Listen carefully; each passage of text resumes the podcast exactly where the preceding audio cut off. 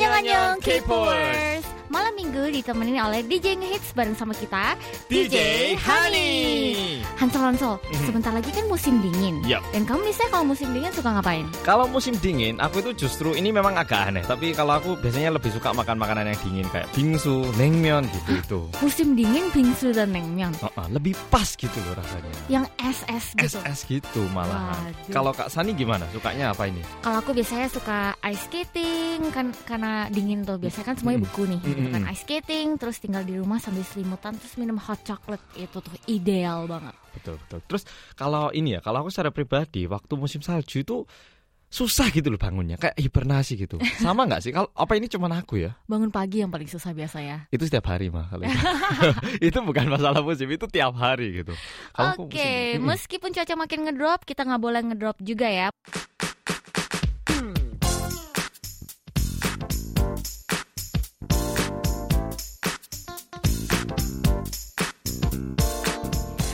Oke teman-teman K-Powers, kita sekarang sudah move on ke info selebriti di mana kita bakalan updatein teman-teman eh, berita terbaru mengenai selebriti dan kita juga bakalan ngobrol-ngobrol di sini. Betul. Nah, mari kita mulai dengan eh, Hansel tahu nggak? Nah, nah, nah, nah, bum, Oh, bum. Bum bum, aku tahu sih, tahu tahu. Kalau itu tahu banget lagunya Momoland kan, Ya, betul betul sekali. Jadi, eh, tahu nggak kalau lagu ini tuh kan sens- sensasional banget kan? Dan Mm-mm. eh, tahu nggak ternyata lagu ini pas baru keluar, member-member uh, Momoland tuh ter- eh, katanya nggak gitu seneng gitu loh. Oh, nggak seneng. gitu ngerasa nggak pas gitu. Jadi maksudnya kayak mereka merasa wah ini lagu lagu apa ini, lagu macam apa ini? Ini Uh-uh. masa lagu kayak gini gitu. Ya pas denger demonya tuh mereka kayak nangis gitu katanya.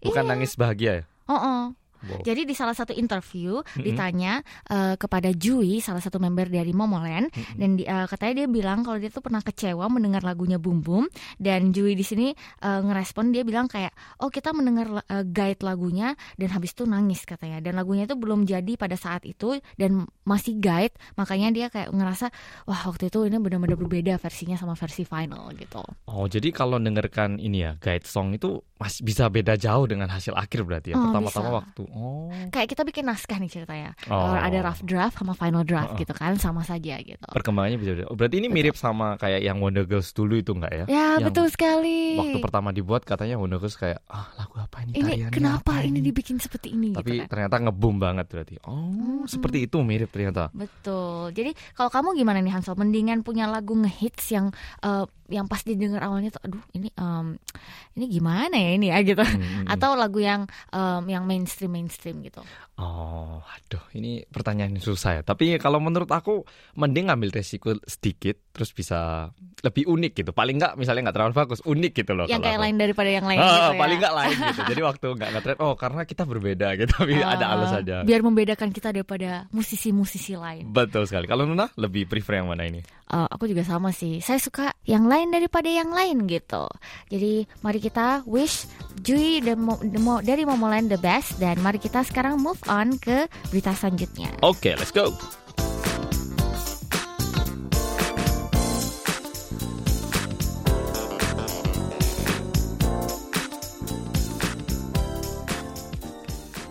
Oke teman-teman, sekarang mari kita move on ke berita selanjutnya. Ini juga ngehits total, badai banget teman-teman. Apa-apa apa ini? Apa ini? Karena Mm-mm.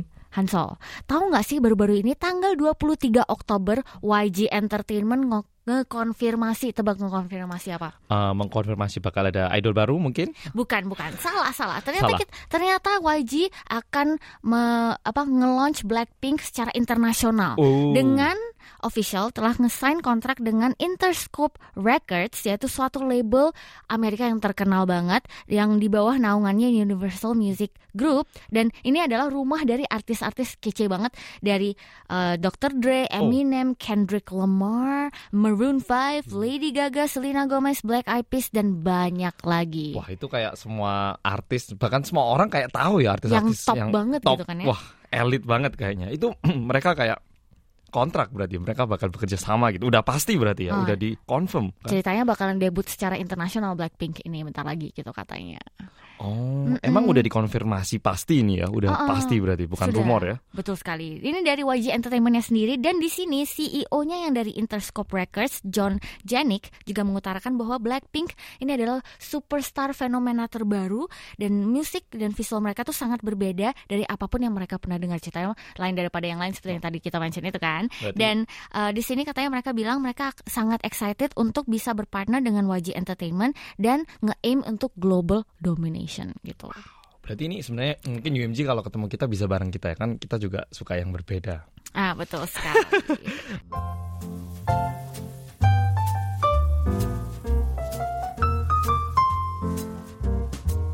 Teman-teman K-Powers, kita sudah sampai di segmen Dear DJ di mana kita bakalan baca message-message dari teman-teman pendengar Kepo KBS World Radio Indonesian dan kita bakalan dengar kita bakalan bacain dua dari message dari pendengar KBS WRI. Mau dibacain nggak, Hansol? Oke, sebelum mulai aku mau bilang nih, siapa pun yang mau ngirimkan silahkan kirimkan cerita Anda ke indonesia@kbs.co.kr atau Facebook kita. Jadi em, langsung kita mulai cerita pertama aja ya. Ini dari Atika Setianingsih. Wah, namanya cantik banget ya. ini ya. Langsung kita mulai.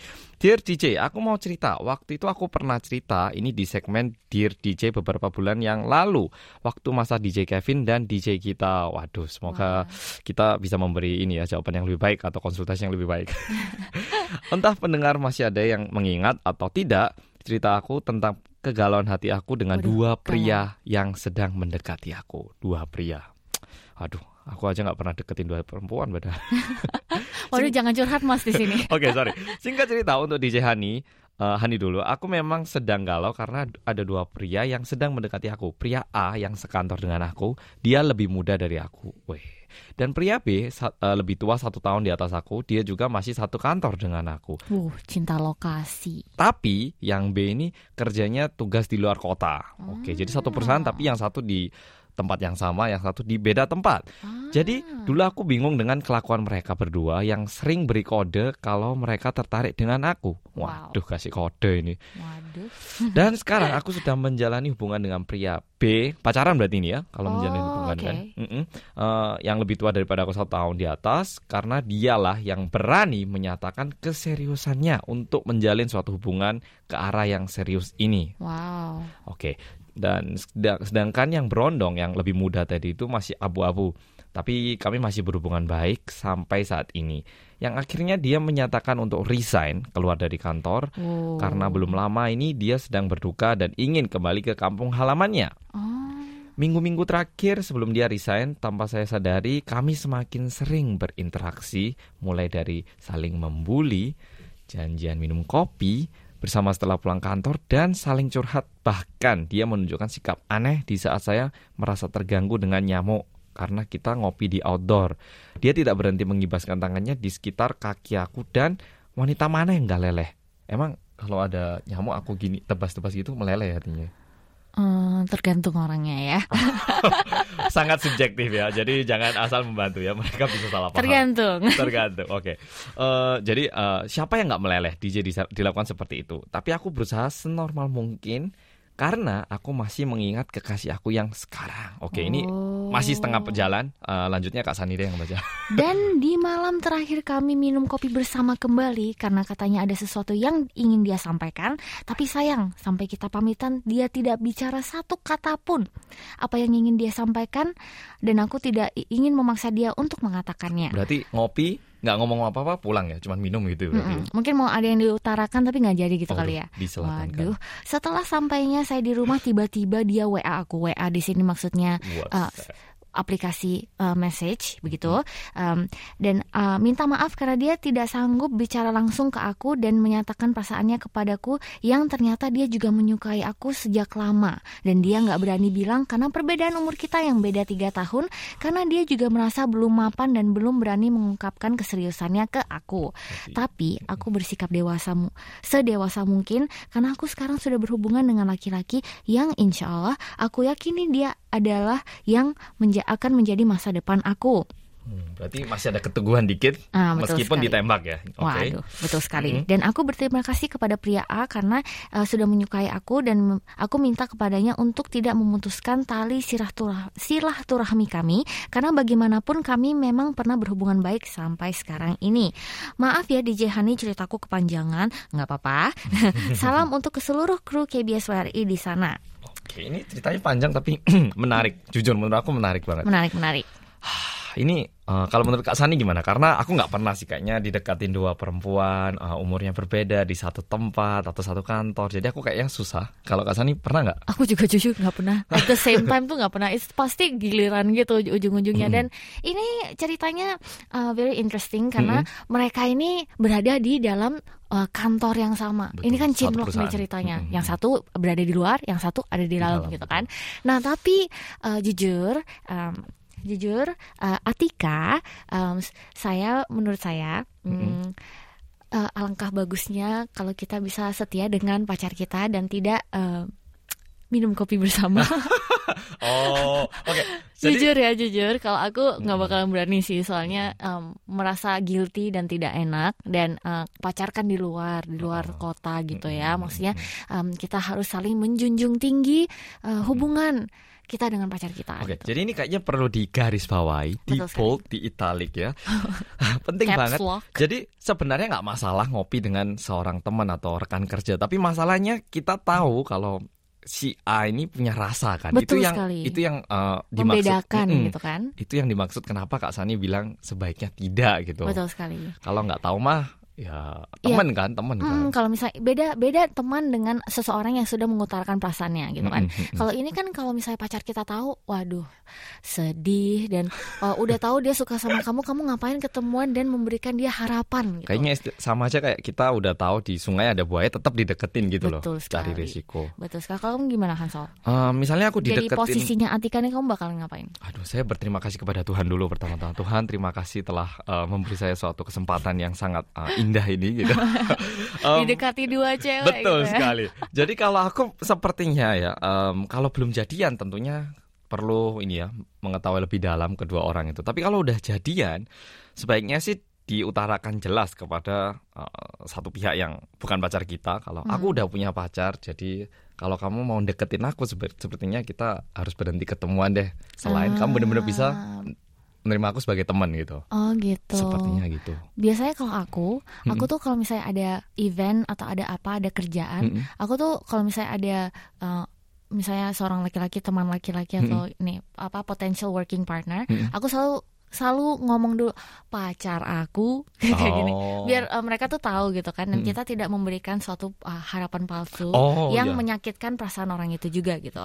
Jadi uh, meskipun Bagus, bagus, bagus. meskipun terlalu uh, to the point bilang pacar saya seperti ini. Aku punya pacar gitu kan. Iya, Tapi- pacar saya barusan telepon ini gitu ya ya. begitulah. Ada cincin di sebelah sini.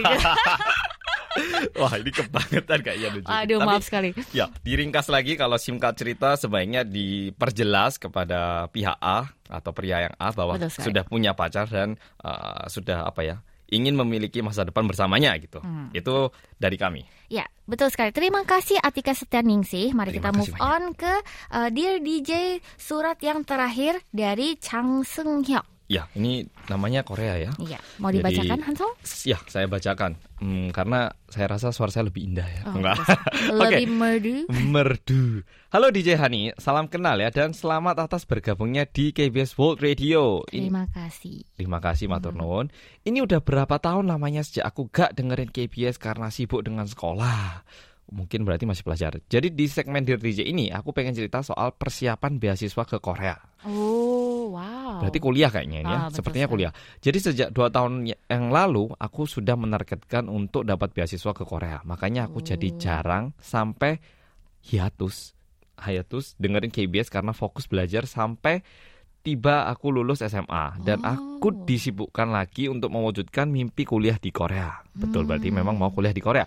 Ada banyak hal yang harus aku hadapi untuk persiapan kuliah ini. Karena kuliah di Korea yang bukan negaraku sendiri, aku harus cari informasi sana sini untuk nyiapin berkasnya, Hmm, dari mulai betul. berkas kewarganegaraan, personal statement, sampai rencana studi yang juga menguras dompet pribadiku.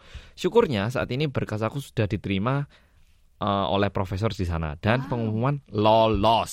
Wow, congratulations. Selamat atau enggaknya adalah tanggal 26 Oktober. Oh, oh, oh. Belum Maaf, selesai. maaf, Belum maaf. selesai. 26 Oktober bulan ini. Yuyu. Aku bener-bener deg-degan DJ. Aku mohon doanya supaya aku bisa lolos. Nanti aku main deh ke kantor KBS eh, yaitu dan bawa oleh-oleh khas kotaku untuk para Oh. DJ. Oh, terima kasih banyak. Oke, jadi pengumumannya sudah dilakukan kemarin ya. Kemarin alias hari syuting kita hari ini sebenarnya. Hmm, semoga diterima. Kita doakan bersama-sama ya. Jangan lupa untuk update kita di KBS World Radio Facebook kalau Mm-mm. kamu dapat ya. Dan btw nih, uh, Mm-mm. kita ngomongin sedikit dulu nih. Oke. Kalau kamu Hansa waktu kuliah tuh impian kamu tuh pengen jadi apa? Impianku ya. Iya. Karena aku kan ini jurusannya bisnis manajemen. Ya. Aku mikirnya itu ketika lulus kayak aku bakal jadi CEO suatu perusahaan kayak Mark Wow. Zuckerberg di usia muda gitu langsung uh, tertulis di CNN Business Wow. Insight kayak wow gitu. Ternyata Forbes Magazine. Cie. ya enggak juga. Kalau Kak Sani gimana? Pertama lulus kan lulusan dari UGM. Aduh. Hukum. Aduh.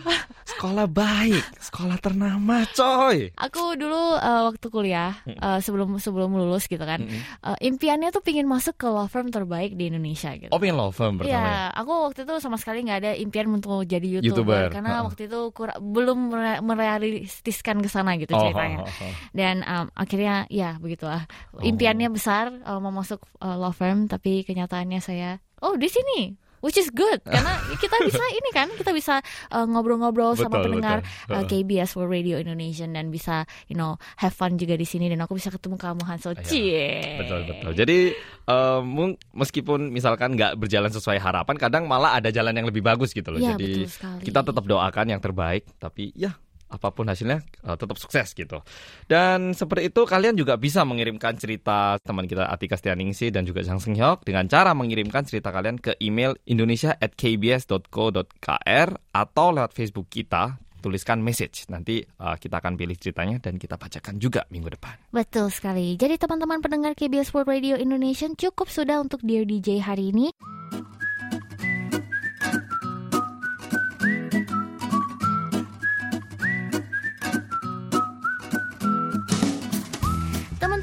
Pendengar K-Popers, K-pop, sekarang kita sudah masuk ke bagian kata kamu kata aku di sini dan kami posting di Facebook page KBS WRI dan menanyakan mengenai tipe ideal kalian dalam rambut. Bagi yang cocok nih, kita nanyain suka rambut panjang atau rambut pendek di cewek. Bagi yang cewek kita udah nanyain suka rambut uh, panjang di cowok atau suka rambut pendek. Nah, mari kita baca komen-komen dari kalian mulai dari Hansol. Oke. Dimulai. Yang pertama dari Dwi Budi Raharjo. Katanya begini, kan ini mas-mas ya cowok ya. Kalau cewek cocoknya rambut panjang semampai akan memberi daya tarik karena rambut adalah mahkota keindahan. Wow. Waduh, mahkota. Waduh. Wow, tapi keren sih bahasanya wah mahkota uh, keindahan. Cie. Aku setuju sih ya, ya maksudnya mm-mm, bener sih. Rambut juga apa ya salah satu bagian yang menyempurnakan gitu. Iya, betul sekali. Finishingnya gitu loh. Betul sekali, betul sekali. Kalau misalnya ceweknya botak nih gimana Hansol? Cantik kok, tetap cantik kok, tetap cantik. Cuman Kok mukanya agak eh, langsung frozen Eh, gitu ya? eh, gimana ya? Eh, mungkin ada yang cocok gitu kalau yang cocok, Ah. tapi nggak semua orang cocok kan ya, gitu. personal preferences. Ya, maksudnya personal begitulah. preference ya. Oke. Oke, mari kita move on ke Waluyo Ibnu Disman. Sejujurnya saya suka perempuan yang mempunyai rambut agak panjang atau agak pendek. Kalau panjang ngelusnya jadi lebih lama dan panjang soalnya saudara saya soalnya dan bisa dimainin rambutnya gitu. Rambut yang sepundak juga seksi terlebih kelihatannya lehernya sedikit. Waduh ini sangat Oh. detail banget deskriptif deskriptif. Makanya hebat ini. Dulu dal eh, dulu dalam pelajaran kepribadian ada ajaran tentang keseksian perempuan salah satunya daya pikat leher. Bagian airline eh, bagian hairline dengan oh, bagian airline dengan pramugari yang mengharuskan disanggul demi kelihatan lehernya. Oh, aku nggak tahu loh yang ini. Detail banget tapi ya, kayak Oh. kayak melakukan research gitu loh. Ini masih nulis novel kayak ini. Makanya. Deskriptif banget ya. Tapi mm, ini aku setuju ya. Eh, Oh. Rambut, aku juga ini ya suka rambut panjang juga suka, pendek juga suka sih. Tapi kalau yang pendek, aku sukanya itu memang ada ini kesan-kesan seksi, modern, Oh ya. em, smart gitu. Oh. Ada kesan-kesan yang berbeda gitu loh. Oh. Makanya aku suka sih. Oh. Oh, wow. Kalau Kak Sani kan pendek. Bu- tujuannya apa ini pendek? Bukankah untuk seksi atau apa ini? Oh, enggak, soalnya males. Oh, Saya eh, ngirit sampo saudara-saudara. oh ngirit sampo. Kirain rambutnya banyak yang rusak nih biasanya. Ya itu juga salah satu Salah, sih, iya. ya betul sekali. Oke, kita langsung ke berikutnya. Edi Setiawan. Saya suka cewek berambut panjang karena konon kabarnya cewek berambut panjang mencerminkan sifatnya yang sabar dan rajin. Karena untuk mengurus rambutnya diperlukan kesabaran dan kerajinan. Masuk Eh, akal? Mas Edi Masuk. banyak yang eh, jarang-jarang keramas juga, Oh. jadi belum tentu ini rambut panjang maksudnya rajin dan Nino sabar ya. Ada juga mbak-mbak yang rambutnya panjang tapi esmosian gitu. Oh, ini bisa Hmm. jadi panjang itu karena malah nggak diurus ya. Karena Iya, saking nggak diurusnya jadi panjang gitu ya. Jadi eh, menurut eh, ini pihak perempuan dinyatakan bahwa bisa saja salah. Ya, betul sekali. Eh, sekarang dari Risma Pratiwi, berponi lebih menarik karena sekali rambutnya di ke atasin bisa jadi terlihat eh, na- nambah ganteng sih menurutku asal jangan botak aja gitu katanya. Waduh, Mbak, Hmm. what's wrong with mas-mas botak? Mas-mas botak juga eh, kinclong-kinclong charming gitu ya. Kayak Jason Ah. Statham kan keren. oh, Jason gitu. Statham. Oh my god, Iya itu sih. keren banget. Itu masnya seksi banget itu. Heeh. Tapi Betul sekali. Hmm, ya sih. Ini kayaknya ceritanya tentang aku. Ini kan aku mau berponi sekarang ini. Terus uh, sebelumnya kan rambutnya ke atasin. Jadi uh, makasih Mbak Risma Pratiwi. ya. Di gr.com ini. Aduh, Mas, Mas, belum minum kopi ya, Mas? belum hari ini betul belum. Oke, lanjut berikutnya. Ini dari Rin Engine. Kalau aku suka cowok yang rambutnya ala militer. Waduh, terima kasih. Enggak lah. Kayak RM juga, keren lebih manly aja.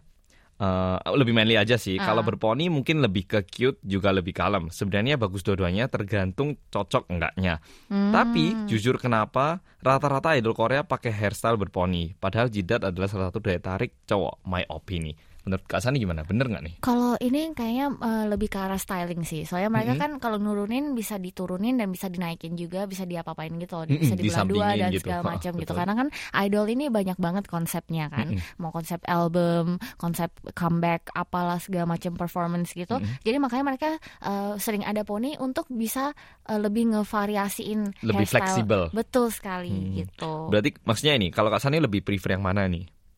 Yang Oh. cute atau yang oh, macho, uh, manly? Aku suka yang dandy. oh, yang dandy. Yang kayak ala-ala Mas. Gong Yu gitu. Oh, Mas Gong Yu. Eh, bukan Mas Hansol. Oh.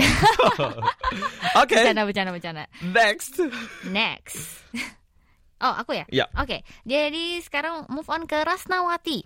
Aku nggak muluk-muluk kalau mukanya udah ganteng, terserah deh rambutnya mau gimana juga. Tetap kembali ke dasarnya emang ganteng. Emang cowok ganteng mah bebas gitu. Berarti mahkotanya muka ya? Nama aku tanya bukan rambut. Bukan rambut itu. saudara-saudara.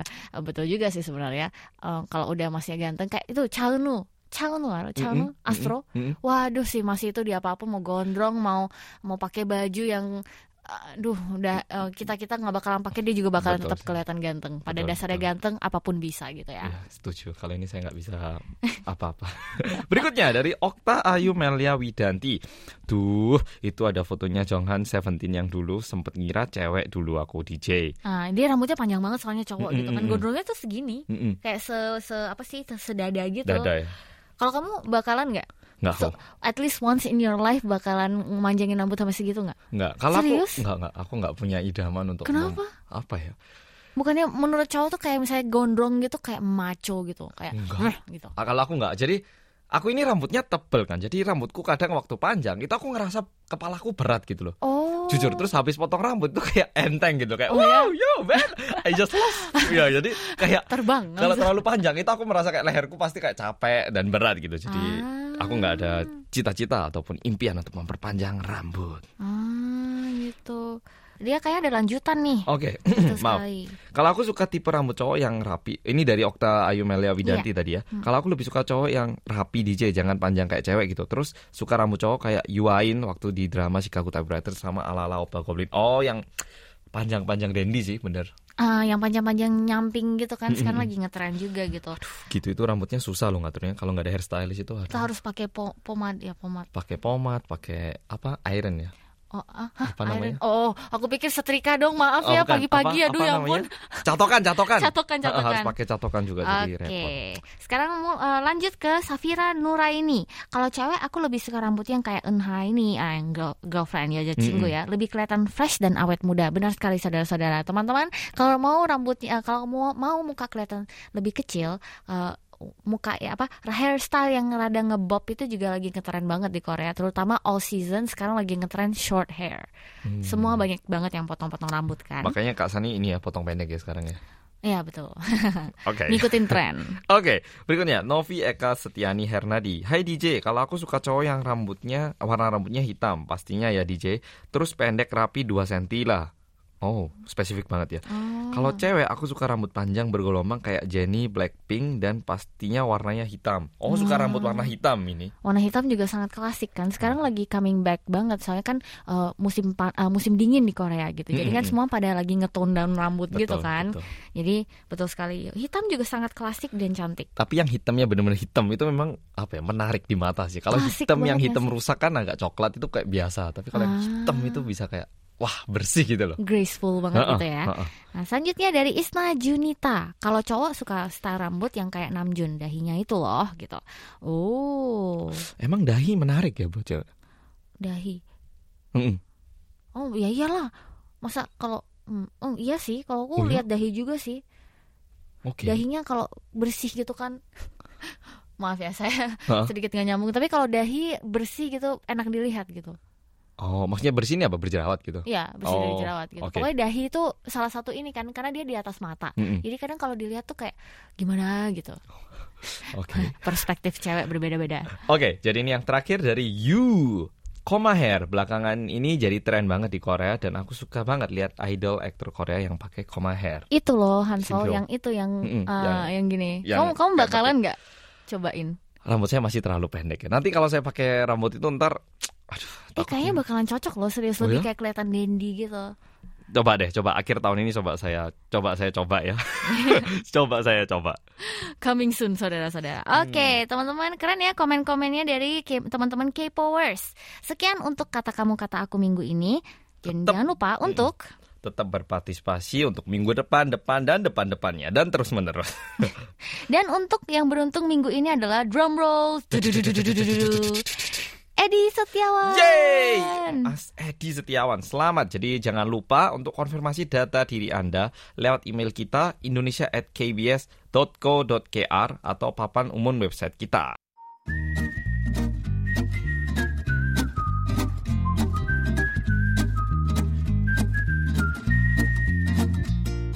Teman-teman K-Powers, sekarang kita sudah move on ke segmen terakhir tapi last but not least yaitu Zaman Jigem yang akan diliput sama Inho. Inho ini Zaman Jigem nih apa nih? Kita harus sedikit uh, kasih tahu mengenai Zaman Jigem sama teman-teman K-Powers yang baru.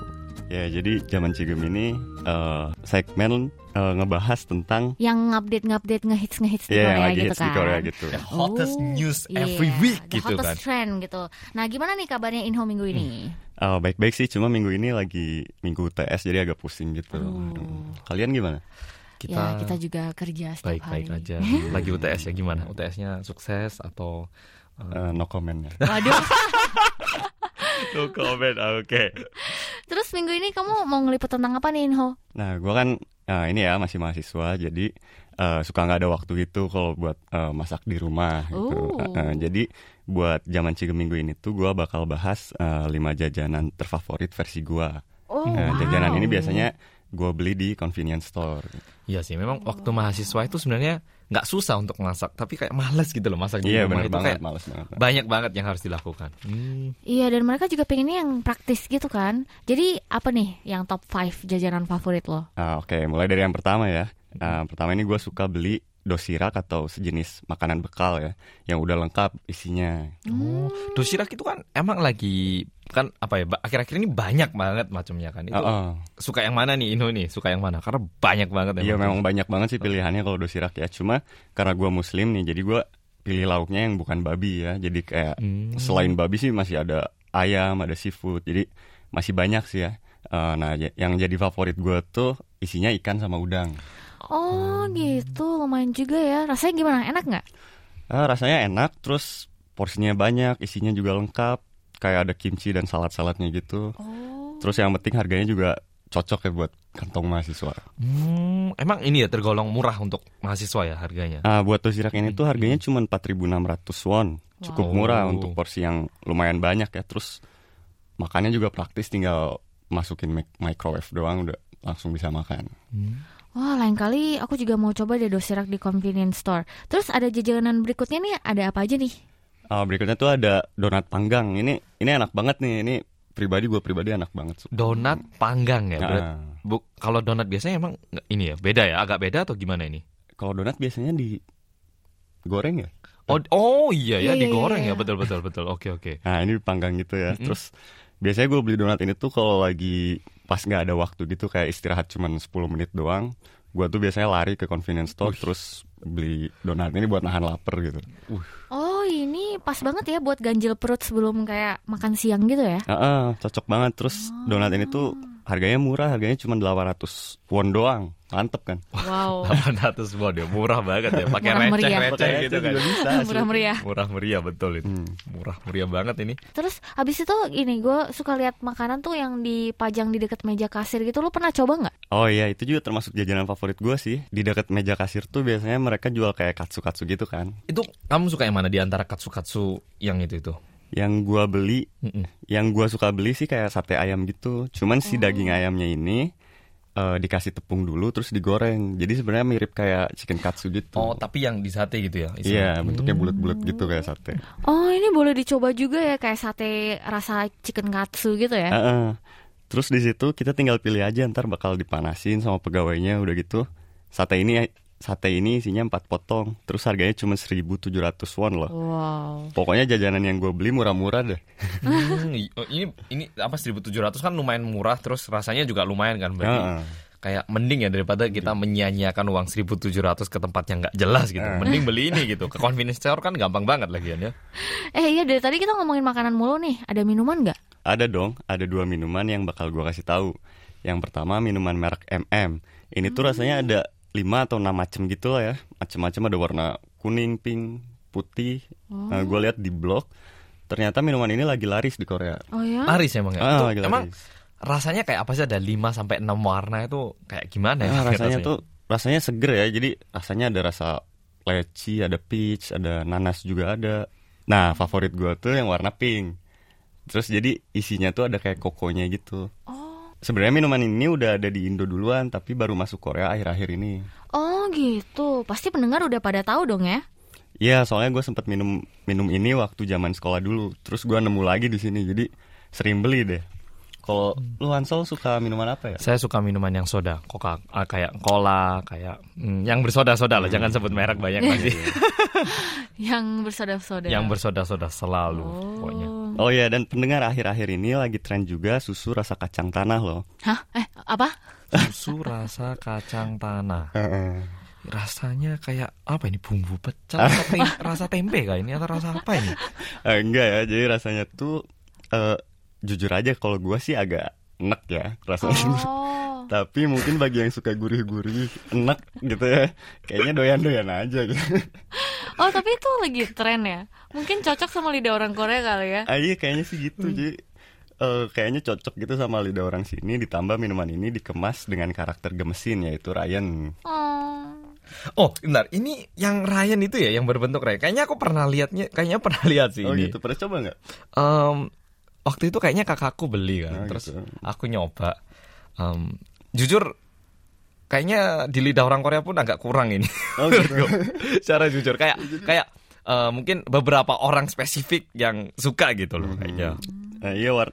Jadi si minuman ini warna dan tutup botolnya dibuat mirip kayak si Ryan. Harganya tuh 2000 won. Ah.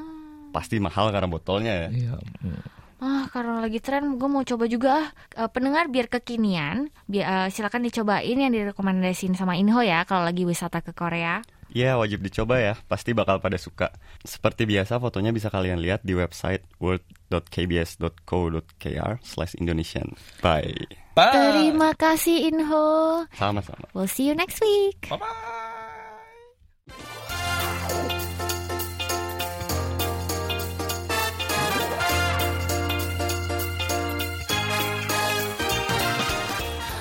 Hansol nggak kerasa ya kita udah ngeramein sama 50 menit bersama dengan K-Powers. Oh ya, tak kira baru 15 menit, udah 50 ya. Iya udah cepet banget ya. Aduh sampai ketemu lagi minggu depan teman-teman K-Powers dan tetap Kepo, kepo, kepo. Bye bye. Bye.